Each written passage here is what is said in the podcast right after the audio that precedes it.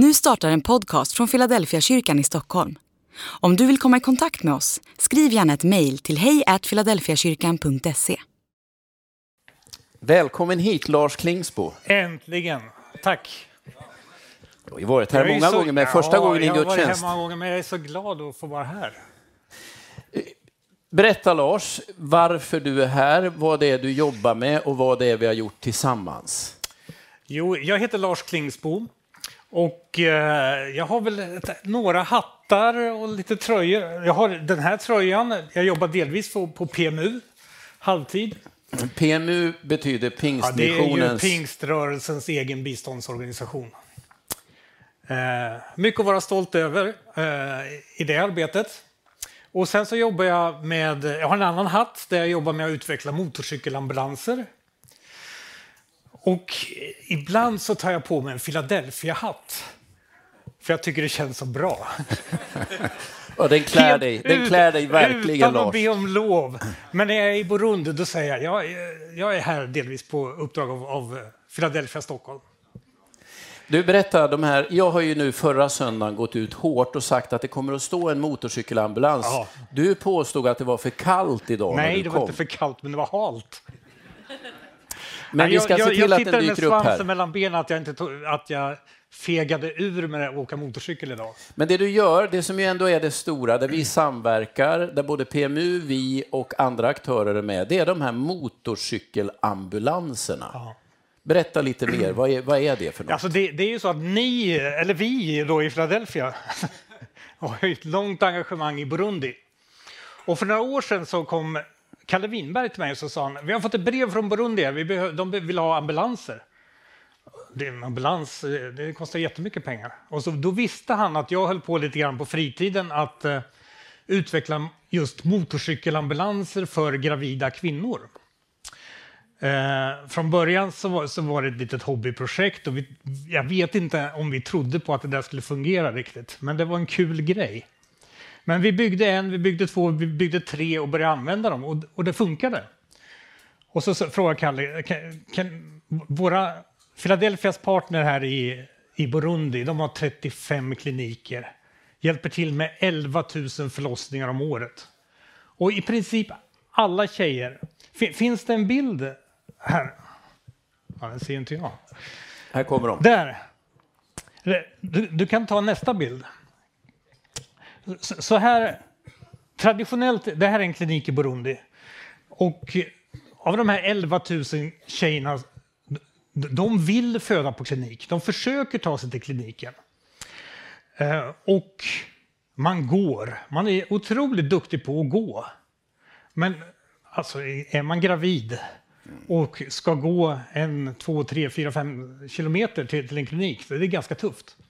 Och kan man inte gå, då kan man få hjälp att åka, eller bli transporterad på sån här bår. Och då behövs det ju åtta personer som, som bär det här. Det är två bärarlag, så man är fyra. Och jag vet inte hur lång räckvidden på en sån där ambulans är. Men då höll vi på att utveckla de här äh, motorcykel... Alltså det är ju som en äh, Baden-Baden-stol på hjul egentligen efter motorcykeln. Det är ganska enkel. Så till att börja med så, så byggde vi två stycken på förfrågan från Philadelphia och ja, men det där funkar ju. Sen kom coronan och då, alldeles innan coronan sa vi ja, men nu satsar vi Burundi. Vi bygger eh, 50 stycken, eller vi ser till att det blir ganska många. Vad kostar varje sånt ekipage? Special price for you. Ja, jag vet. Men säg det nu. Han, han, Säg mycket... på. Nej, men det, I snitt så, så har vi spenderat kanske 45 000 per ekipage. Sådär. Eh, Gånger 50. ja, så eh, var det, det, var under coronan så, så hade vi en tv-gudstjänst här uppe i foajén, va? eller i fiket där. Från kaféet där. Från ja. kaféet. Och eh, vi samlade in, det blev ganska bra peng eh, som vi samlade in då. Och det, det, var, det var startskottet Eh, för det här arbetet som vi har gjort i Burundi. Och jag ska säga att jag har gått, jag sa äntligen när jag, när jag satte mig här, för att jag har gått och längtat efter att få hålla ett offertal i Philadelphia. Inte för att tigga några pengar, utan för att berätta var, var era pengar har gått och vart ert ledarskap, vad det har betytt. För, för eh, när ni investerar vad vi alltid tycker är för lite pengar. Alltså ambitionerna är ju alltid här och vi har alltid för lite pengar. Men det ni investerade i det här har ju blivit ett resultat. Så att under, när ni vågade satsa på, på det här projektet, då var det andra som också så, trodde på det här. PMU började tro på det. Radiohjälpen började tro på det. Och eh, massa företag började, började tro på det här. Men hade inte ni i Philadelphia trott på det här, då hade det inte hänt någonting. Så vad som har hänt i, utifrån ert ledarskap i den här frågan, det, det är att eh, under två år så byggde vi, vi har byggt 35 ambulanser nu. Och under de första två åren så har det blivit 23 959 transporter av gravida eh, tjejer.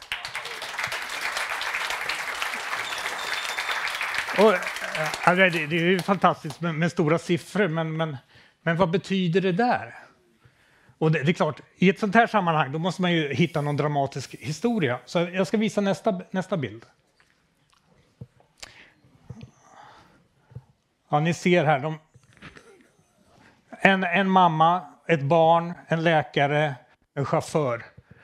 Alltså Micke Taubert. Den här killen får ju åka motorcykel hela dagarna. Och så varför är han den som inte är glad? De andra är ju glada. Men eh, det finns... Han kanske inte visste vad som hade hänt här. Men den här tjejen, hon heter Justin. Och hon kom till kliniken, där, vi var där i mars. Och hon ville berätta eh, sin story. Hon sa att ja, men de här, den här ambulansen den har räddat livet på mig två gånger mm. eh, nu sista ett och ett halvt åren. För, så hon var storkund på åka ambulans. Hon tyckte det var jättebra. Eh, första gången, ni, ni ser att hon har ju bara en högerhand. Hon har ingen vänsterhand. Och det beror på att hon skulle gå och lägga sig en kväll. Och hon hade en ficklampa som hon skulle ställa på nattduksbordet. Och den ramlade ner på, på golvet. Hon sträckte sig ner för att ta upp lampan och så kände hon att det brände till i handen. Hon fattade inte riktigt. Hon satte ner handen ytterligare en gång till och då satt ju ormen fast i handen. Då var det, alltså det, det, det här är ju en väldigt... Det, det, är inte vanligt att det ligger ormar under sängarna, men det, det hände ju uppenbarligen. Då var det en svart mamba under hennes säng. Och eh, vad jag har förstått, jag har ju pratat med läkarna, hur, hur lång tid har man på sig att, att få hjälp om man blir, blir eh, biten av en svart mamba? Ja, en timme kanske. Mm. Sen måste man ha serum. Och eh, hennes man och, och hon, de bodde ju nära kliniken. Uh, och de visste, så de, de fick ju, de kom ju ganska snabbt med den här ambulansen hem till henne och de visste att det finns inget serum på den här kliniken så de åkte till nästa klinik. Där de inte heller hade, utan fick åka till en tredje och då var ju, hon var ju borta då. Hon var medvetslös. Men eh, de lyckades ge henne serum och de amputerade eh, handen på henne. Och eh, sen låg hon i koma i ett par veckor och sen kvicknade hon till och kom tillbaka till livet. Eh, och kort därefter så... Och det, det, här var ju, det var ju liksom bara tidsfaktorn som, som räddade livet på henne. Och att alla visste vad de skulle göra. Men sen vart hon ju gravid ett par veckor efter det där. Och komplikationer i, i graviditeten. Så då fick hon också åka ganska många gånger med den här ambulansen. Det här är ju en dramatisk historia, men det här är en av de här 23 000 människorna. Och... Men, men det man måste säga, Lars, det är att ja. den där dramatiken som ju svensk sjukvård håller på rejält avstånd genom att den är så avancerad och så tillgänglig, den existerar ju inte Nej. där, utan den Nej. dramatiken utspelar sig ju dagligen. Ja. Det måste man ju också inse. Ja, men så, så, är det. Och... och att de där ambulanserna därmed gör hela skillnaden. Uh, och alltså, när, här, när de här ambulanserna finns där och fungerar, då är det ganska odramatiskt för ingenting händer. Man ringer, man ringer efter hjälp. för att åka på en undersökning. Inte, bara, inte så här blåljusdramatiska transporter, utan man behöver, behöver åka för att göra sina eh, hälsoundersökningar. Och det räddar ju verkligen liv, att man upptäcker problemen i tid. Och det har varit ganska vanligt när vi har varit ute på klinikerna att, att det kanske är fem, tio eh, kvinnor varje år vid, varje klinik som inte når, kommer fram. Utan de föder längs vägkanten. De, de, de är borta nu. De, det finns inte längre. Så det, det, här, det var ju därför jag ville komma hit och hålla offertalet, för att berätta vad ni har investerat i. Och alltså, man kan ju inte låta bli liksom att, att tänka på det här eh, bespisningsundret. Att mm, det är de här små fiskarna och det är, är de här bröden. Och så i slutändan så, så är det ändå pengar kvar. Liksom. Mm. I, I det här projektet, jag, jag, jag, försökte räkna ihop det här, ja, men vi kanske har spenderat 2,5 miljon i det här projektet. Utifrån de här 150 000 vi samlar in. Och det finns fortfarande 60 000 kronor kvar. Och nu, alltså vi i det här rummet, jag räknar inte er som sitter hemma och tittar på, tittar på tv, men vi i det här rummet, om vi ville så skulle vi kunna lösa hela problemet i hela Burundi. Mm. Att inte en tjej i Burundi skulle behöva gå till klinik. Nej. För nu står katolikerna och undrar, vi vill göra som pingstvännerna, vi vill också ha sådana här ambulanser. Mm. Det där skulle vi kunna lösa. Det är bara 87 stycken som de vill ha. Ja, men är de inte lite nyfikna från Kongo också? Jo, alltså man säger att Afrika inte är ett land, Nej. men kommer man ut på landsbygden så är problemet för gravida tjejer exakt samma i alla länder. Så, nu drar vi ihop den här säcken. Säg nu ja. någonting varför man ska ge pengar just nu, alldeles strax. Ja, för att det, för att det, det är ju kul. Alltså. det är kul och, och det, det, ger resultat. Mm. Och alltså, jag måste säga, ja, du är ju ledare här, men, men som församling så, så, visar ni sånt starkt ledarskap i så många olika frågor, både i Afrika och, och här i Sverige. Så det, det, är ju, alltså, ni investerar ju det ni tror på. Så tror ni att, att det är viktigt att göra någonting för de här tjejerna, ja, men då, då investerar man ju i det. Tack. Och det har ni gjort och det blir jättebra. Ja, vi är jätteglada. Vi är glada för dig, Lars. Jag tänker att vi ska göra två saker. Först ska vi be till Gud för dig och det arbete du står i. Sen ska vi ge dig en applåd. Sen ska vi göra en tredje sak och det är att ge en rejäl gåva in i bland annat detta arbete. Men vi kan väl be för Lars och för det här arbetet som ju innehåller, du är, du är ju någon sorts eh, katalysator för ett antal olika aktörer mm. som behöver vara med och bidra för att det här ska hända. Vi ska be att du verkligen får Guds ledning och hjälp att hitta rätt. Och att ekonomin också ska lösa sig, för det är ju kanske inte de bästa tiderna just nu. Men att pengar ska komma för att det är så nödvändigt att göra sån skillnad. Jag skulle säga att det, det, det är inte pengar som är bristen. Nej. Utan det, det, är, det är ju viljan. Alltså, bryr vi oss om henne? Vill vi så löser vi det. Mm. Och i alla andra utmaningar som vi står så vill vi så finns det pengar. Det är jag har en fråga till dig. Ja. För I ert ledarskap i Philadelphia, i era missionsåtaganden under åren, så har ni ju fått eh, svenska samhället att stödja er verksamhet. Alltså genom Sida-bidrag och så här. Vet du hur mycket Sida har investerat i Philadelphia-församlingens missionsverksamhet? Tänker du nu genom hela historien? Ja, så långt som, som jag orkar räkna. Nej, det vågar jag inte chansa på. Jag, jag tittade, 320 miljoner. Ja. Man... Och, men utan ert ledarskap, om inte ni hade gjort det, det, det, det som låg på ert hjärta, då, då hade ju inte de trott på Nej. er. Nej, men och vi står i fortsatta enorma utmaningar. Världen blir ju inte mindre komplex Nej. och behoven är stora. Hörrni, nu ber vi för Lars Sen ska vi applådera och sen ska vi ge pengar. Ja, vi applåderar. Låt oss be först. ja. Herre Jesus, jag vill tacka dig för den vision du har lagt i hjärtat på Lars. Vi tror att den är född av dig och så har den på något sätt öppnat dörrar för så många välsignade saker. Tack för alla barn som har fått se livet och för alla kvinnor som har räddats till livet. För alla barn som har sin mamma kvar, för alla familjer som förblir intakta. Herre, vi ber om din välsignelse över det fortsatta arbetet i Burundi och överallt där de här ambulanserna behövs. Och vi ber att du ska välsigna Lars när han nu går runt och samlar in pengar och ber människor om engagemang. Låt honom hitta öppna dörrar. Och så ber vi en välsignelsebön för Burundi. Du vet det land som är kanske fattigast i världen, där behoven är omätliga på alla områden. Herre, låt oss få vara med och välsigna människor långt ifrån oss. Men låt ditt rike, doften av ditt rike få sprida sig också dit. Vi ber om det i Jesu namn. Amen. Lars, vi är otroligt glada för din envishet, påstridighet och eh, allt annat som gör att det här händer. Vi tror att Gud har gett dig någonting och vi är väldigt tacksamma att få stå tillsammans med dig i det här arbetet. Nu får du en varm applåd.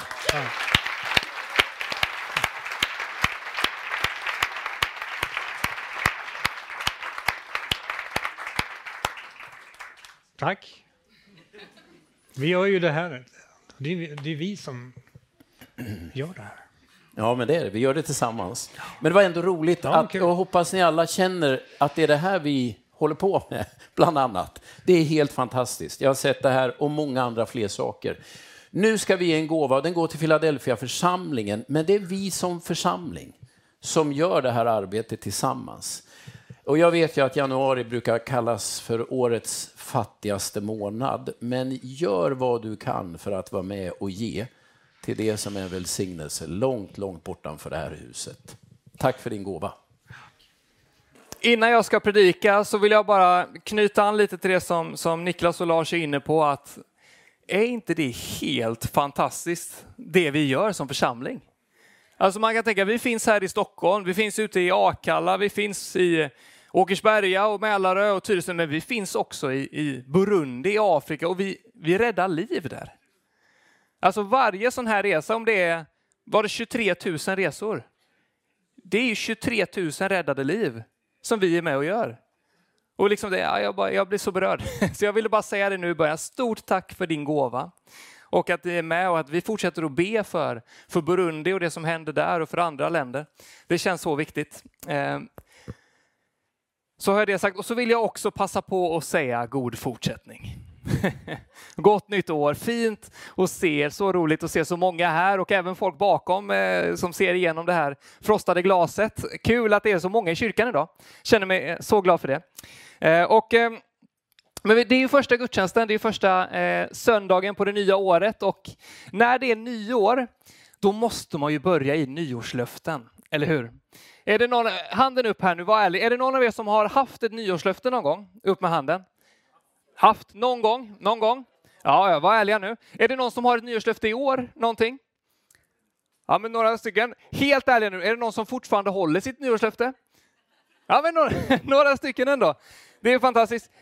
Min, min reflektion är att det, det, det snackas ju mycket om nyårslöften liksom i slutet på året. Det dyker upp där 51, 52 veckorna där, liksom slutet på december. Och så pratas det ju mycket om det i början på året och sen så läggs ju det lite i dvala eller det går i ide fram till nästa december. Och min reflektion är att ungefär när man slutar säga god fortsättning, det är ungefär då man slutar med sitt nyårslöfte. Någonstans där liksom vecka tre kanske, om man inte håller i, om man är väldigt disciplinerad. Jag har haft några stycken. Det finns ju de här klassiska, ni vet så här. Julen har varit lite för god, säger ju vissa. Så nu måste jag börja äta nyttigt. Jag ska äta sallad till maten varje dag. Det är ju ett sånt nyårslöfte. Vissa håller ju det.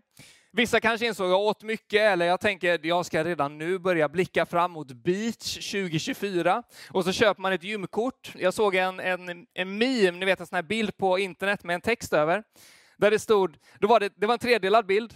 Först så var det ett helt tomt gym och då stod det december 2023. Och sen så var det ett helt fullt gym och då stod det januari 2024. Och sen så var det en ytterligare en bild på ett helt tomt gym. Och så stod det mars 2024.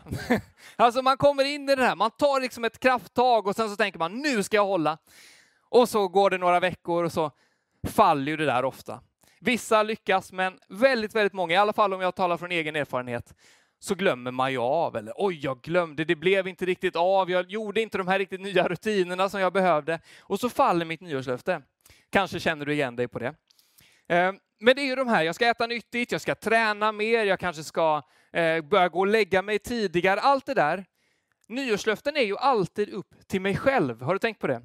Det är ju alltid du som ska ta dig i kragen, det är du som ska göra tid för det, det är du som ska köpa gymkortet. Och det är också upp till dig att hålla det eller inte. Jag tänkte så här, första söndagen 2024. Jag tänkte inte tala, nu har jag pratat en del om det så det är kontraproduktivt, men inte tala om våra egna nyårslöften. Utan snarare prata om några av Guds löften som Gud ger till oss. För jag inser att de beror inte på min egen prestation, på att jag själv kavlar upp armarna, utan det är någonting som Gud har gjort för oss, men som vi får del av. Så tanken idag är att säga någonting om, om några av de här löftena som finns i Bibeln. Och säga någonting om att det kan vara något som du kan liksom bygga ditt liv. Om du ska tänka 2024, tänk inte kavla upp armen och ta tag i ditt nyårslöfte, utan tänk nu går jag in i de här löftena som Gud ger till mig. Så följ med mig nu. Vi ska läsa från Efesierbrevet kapitel 1. Eh, och eh, jag kommer läsa ganska många verser. Eh, och det kan vara intressant att veta att när jag läser de här verserna, tänk att det här är en enda mening på grekiska. På svenska så är det ju många meningar, men på grekiska så är det faktiskt bara en mening. Och det finns olika teorier om detta. Någon sa att ja, men det är för att Paulus som har skrivit detta, han är en sån evangelist. Ni vet, han är en sån här gamla skolans pingstpredikant. Han blir så taggad så han bara skriver på och så bara kommer det mer och mer och mer och mer och mer och till slut så kommer punkten. Vissa tänker att det kan ha med det att göra. Eh, men vi ska i alla fall läsa från Efesierbrevet eh, kapitel 1. Och det står så här där. Jag ska bara hitta det först. I Efesierbrevet kapitel 1 och vers 3 och framåt. Välsignad är vår Herre Jesu Kristi Gud och Fader. Han har välsignat oss med all den andliga välsignelse som genom Kristus finns i himlen, liksom han före världens skapelse har utvalt oss i honom till att stå heliga och fläckfria inför sig i kärlek. Han har förutbestämt oss till att få söners rätt genom Jesus Kristus och förenas med honom. Det var hans viljas beslut till pris och ära för den nåd som han har skänkt oss med sin älskade son. I honom och genom hans blod har vi friköpts och fått förlåtelse för våra överträdelser. Så rik är den nåd med vilken Gud har låtit all vishet och klokhet flöda över oss. Och han har yppat sin viljas hemlighet för oss, det beslut som Kristus eh, som, som han hade fattat från början och som skulle genomföras när tiden var inne. Att sammanfatta allting i Kristus allt i himlen och på jorden. I honom har vi fått våra arvslott, förutbestämda därtill, eh, av honom som låter allt ske efter sin vilja och sitt beslut. Vi ska vara Gud till pris och ära, vi som redan på förhand hade satt vårt hopp till Kristus. Och i honom har också ni, sedan ni hört det sanna ordet, evangeliet om er frälsning, i honom har också ni, sedan ni kommit till tro, fått den utlovade helige ande som ett sigill den är borgen för vårt arv. Att Guds folk ska bli friköpt och Gud få ära och pris. En mening. Ganska lång va? Ganska bra också. Alltså den här världsrekordlånga, den här hade ju platsat i Guinness världsrekord. Den här världsrekordlånga är ju fullspäckad, fullmatad med löften. Saker som Gud gör för dig och mig, som faktiskt gäller för var och en av oss. Saker som inte beror av vad vi gör, utan vad Gud redan har gjort. En intressant observation i den här texten, det är ju att på det sättet, med det, liksom, Eh, det adressat som Paulus har, jag vet inte om ni tänkte på det, men det står alltid i plural. Det är oss och det är vi. Det är aldrig singular. Det står inte du har blivit välsignad med detta, du har, det här har Gud gjort för dig, utan det står alltid vi. Det står alltid oss. Det är som att Gud gör någonting i gemenskapen. Gud gör ju saker i våra liv individuellt, men vi lever ju i ett sånt individuellt samhälle på många sätt. Jag ska göra min karriär, jag ska komma in på den här utbildningen, sen kommer jag komma dit och jag ska bli lycklig, jag ska åka på den där semestern, bo i det där huset. Vet, det är mycket jag. Och jag faller gång på gång in i det och tänker på mitt eget, men jag inser när jag läser Bibeln, det är så mycket mer kollektivt. Gud verkar verka så mycket mer i gemenskapen än bara i vårt liv. Sen gör han det i vårt personliga liv också. Men det finns något kollektivt, alltså tanken när vi möts här, när vi sitter nära varandra, när vi hälsar på varandra. Gud gör någonting i vår gemenskap. Inför det här året så tänker jag Gud kommer göra saker i ditt liv, men framför allt så kommer han göra saker i församlingen. För det är alltid det som är fokus. Paulus skriver alltid med tanken plural, men det finns också ett personligt tilltal i det. Det är en intressant observation som jag gjorde. Bibeln är mycket mer kollektiv än vad den är individuell. Jag tycker det är hoppfullt. Men Paulus skriver ju så här då, att redan före världens skapelse har han utvalt oss i honom att stå heliga och fläckfria inför sig i kärlek. Han har förutbestämt oss till att få söners rätt genom Jesus Kristus och förenas med honom. Det var hans viljas beslut. Till pris och ära för den nåd som han har skänkt oss med sin, med sin älskade son. Alltså Gud är hela tiden utgivande. Han ger hela tiden, han sänder hela tiden. När jag var liten så, så kunde mina föräldrar säga, om jag hade mycket att, mycket att säga, då kunde de säga, det sänds mycket, hela tiden sänds det. Som att jag var någon form av radiokanal som bara gav ut hela tiden. Du vet, man bara pratar och pratar och pratar och pratar. Man, man, tar aldrig in någonting som någon annan säger. Gud är hela tiden utsändaren, är ni med på den bilden? Han vill hela tiden ge. Vad är hans fokus? Det kollektiva. Församlingen, vi som tillhör Kristi kropp, det är vi som är mottagare av det som Gud ger. Och jag tänkte säga någonting om de här tre sakerna som jag har läst här, du kanske inte fångar upp dem, men att vi är utvalda, att du har fått söners rätt. Vad betyder det egentligen? Och nummer tre, att du får nåd. Det finns i den här texten. Låt mig bara säga någonting om de tre sakerna. Att du är utvald, att du har söners rätt och att det finns nåd. Och det är ett löfte som gäller för dig.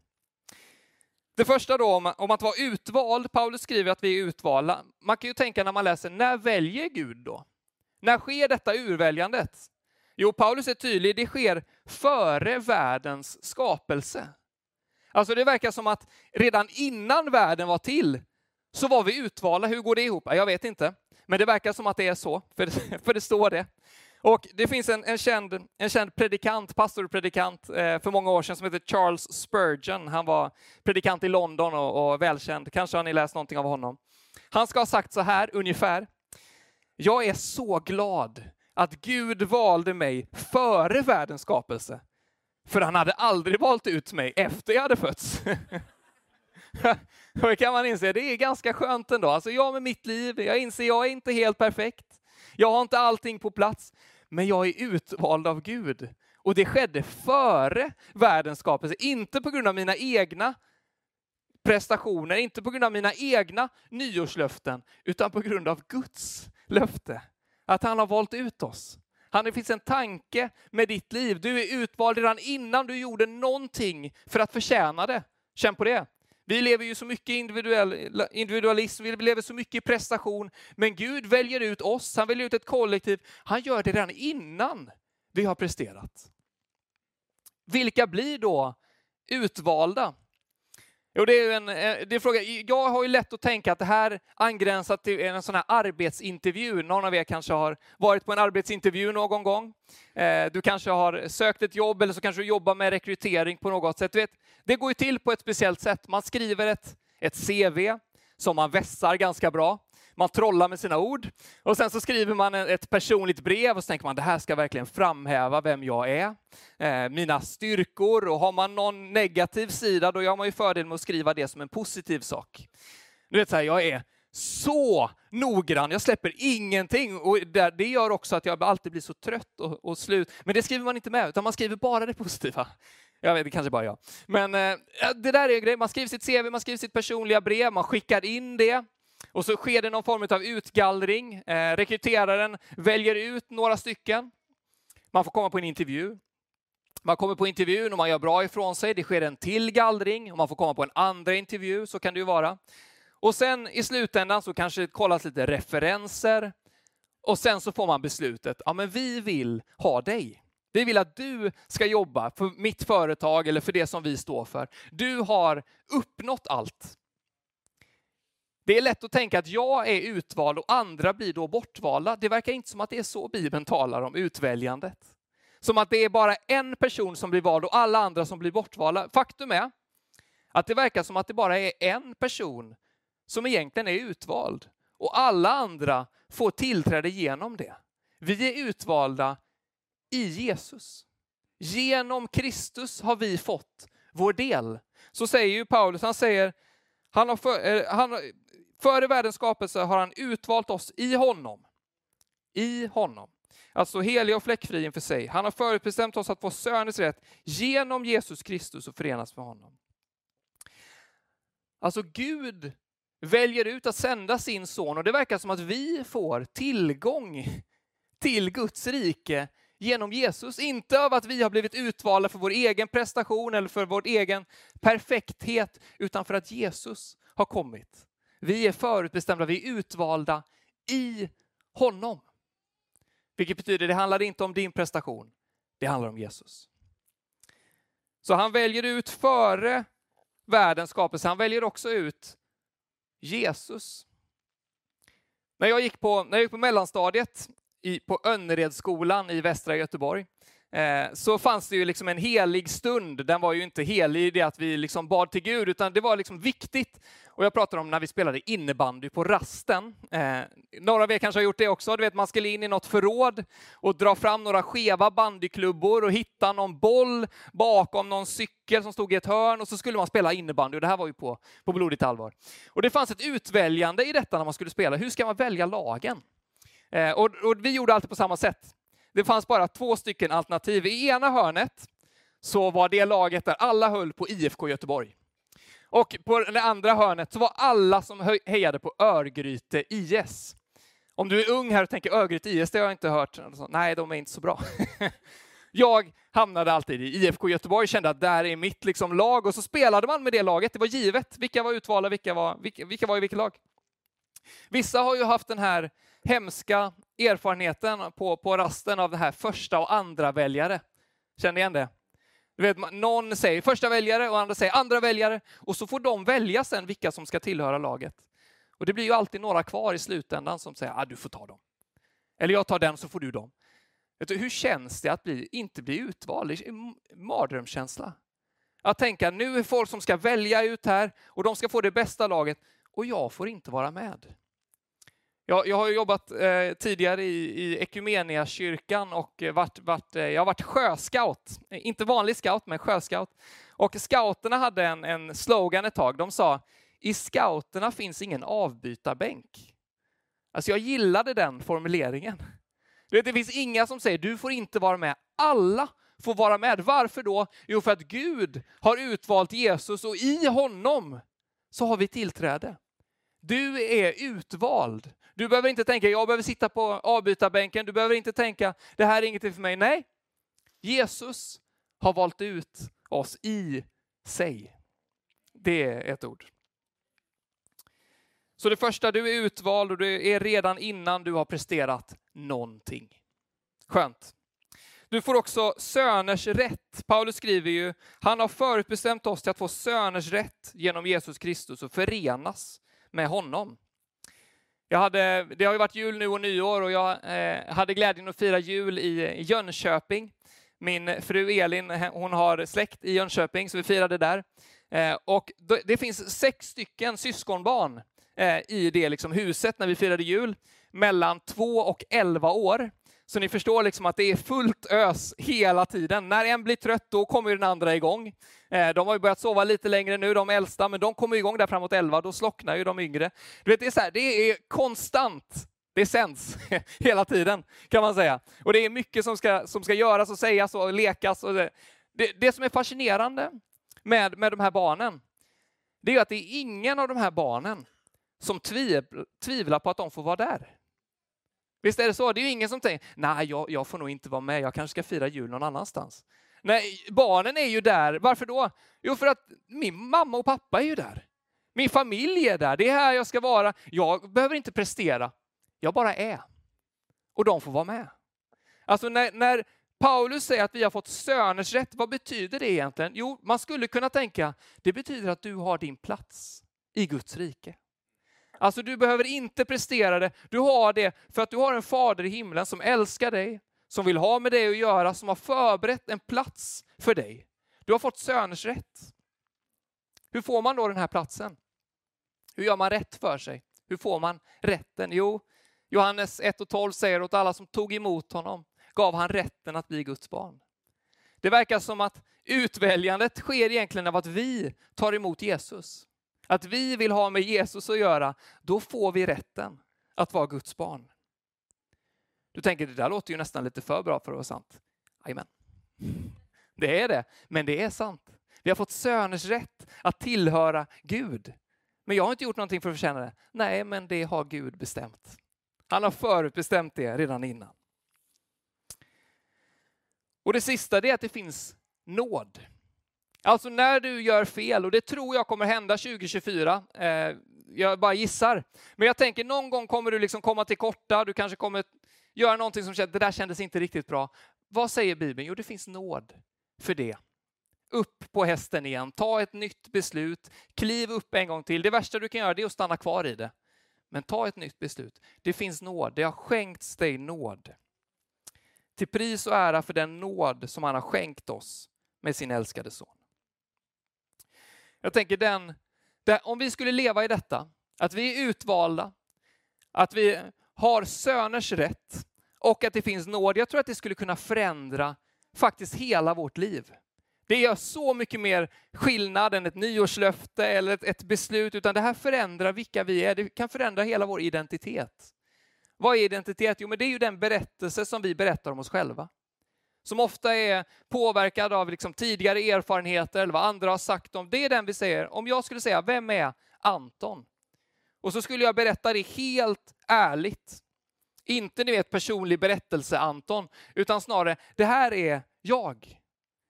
Det är min identitet.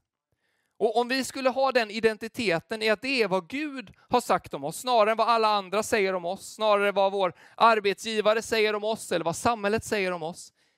Det skulle bli en helt ny identitet för det här året som ligger framför. Och jag tänker den kanske tydligaste berättelsen, jag ska avsluta, men den tydligaste berättelsen, en av de bästa kanske i alla fall i Bibeln, det är ju Jesu möte med Sackaios. Ni vet, Jesus, har du hört berättelsen innan? Har du aldrig gjort det? Så här kommer den. Jesus är på väg in i Jeriko. Och han kommer in där och det verkar som att det är lite uppståndelse kring Jesus. Han börjar bli känd och folk vill liksom se honom. Så det samlas mycket folk längs vägen. Eh, ni vet, de är där och vill se och kanske röra vid honom, kanske höra vad han säger. Och så finns det en man som heter Sackaios och Sackaios var en tullindrivare. Vilket betyder att han jobbade för den romerska ockupationsmakten. Han tog ofta ut mer pengar än vad han skulle göra. När du skulle in i staden, när du skulle passera en bro, när du skulle köpa någonting, du fick alltid betala tull på det. Och, och Sackaios var en sån person då som tog ut extra pengar till sig själv. Han tjänade extra på att andra behövde lämna ifrån sig. Ofta var det sitt eget folk som han tog pengar ifrån. Och den här Sackaios, vi vet att han var kort.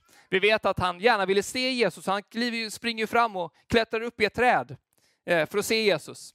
Så när man, man tänker ju så här, undrar hur Jesus ser Sackaios egentligen, kan man ju tänka ibland.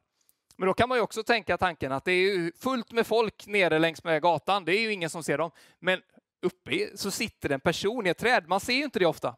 Det eh, borde ändå stått ut lite. Men Jesus kommer in där i Jeriko och ser Sackaios uppe i trädet. Och han pekar på honom och säger Sackaios, idag ska jag gästa ditt hem. Och, det är ju fantastiskt att Sackaios också faktiskt bjuder med Jesus hem till sig. Han säger, ja det låter jättebra.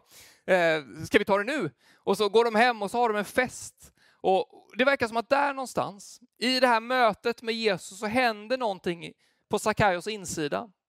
Som gör någonting mycket mer än de pengar han har tjänat, mycket mer än den status som han har sökt. Det verkar som att han hittar sig själv. Och han säger, responsen kommer ju, han säger, alla de, de pengarna jag har liksom samlat in och har samlat in extra, då ska jag betala tillbaka. Han, han vill göra rätt för sig.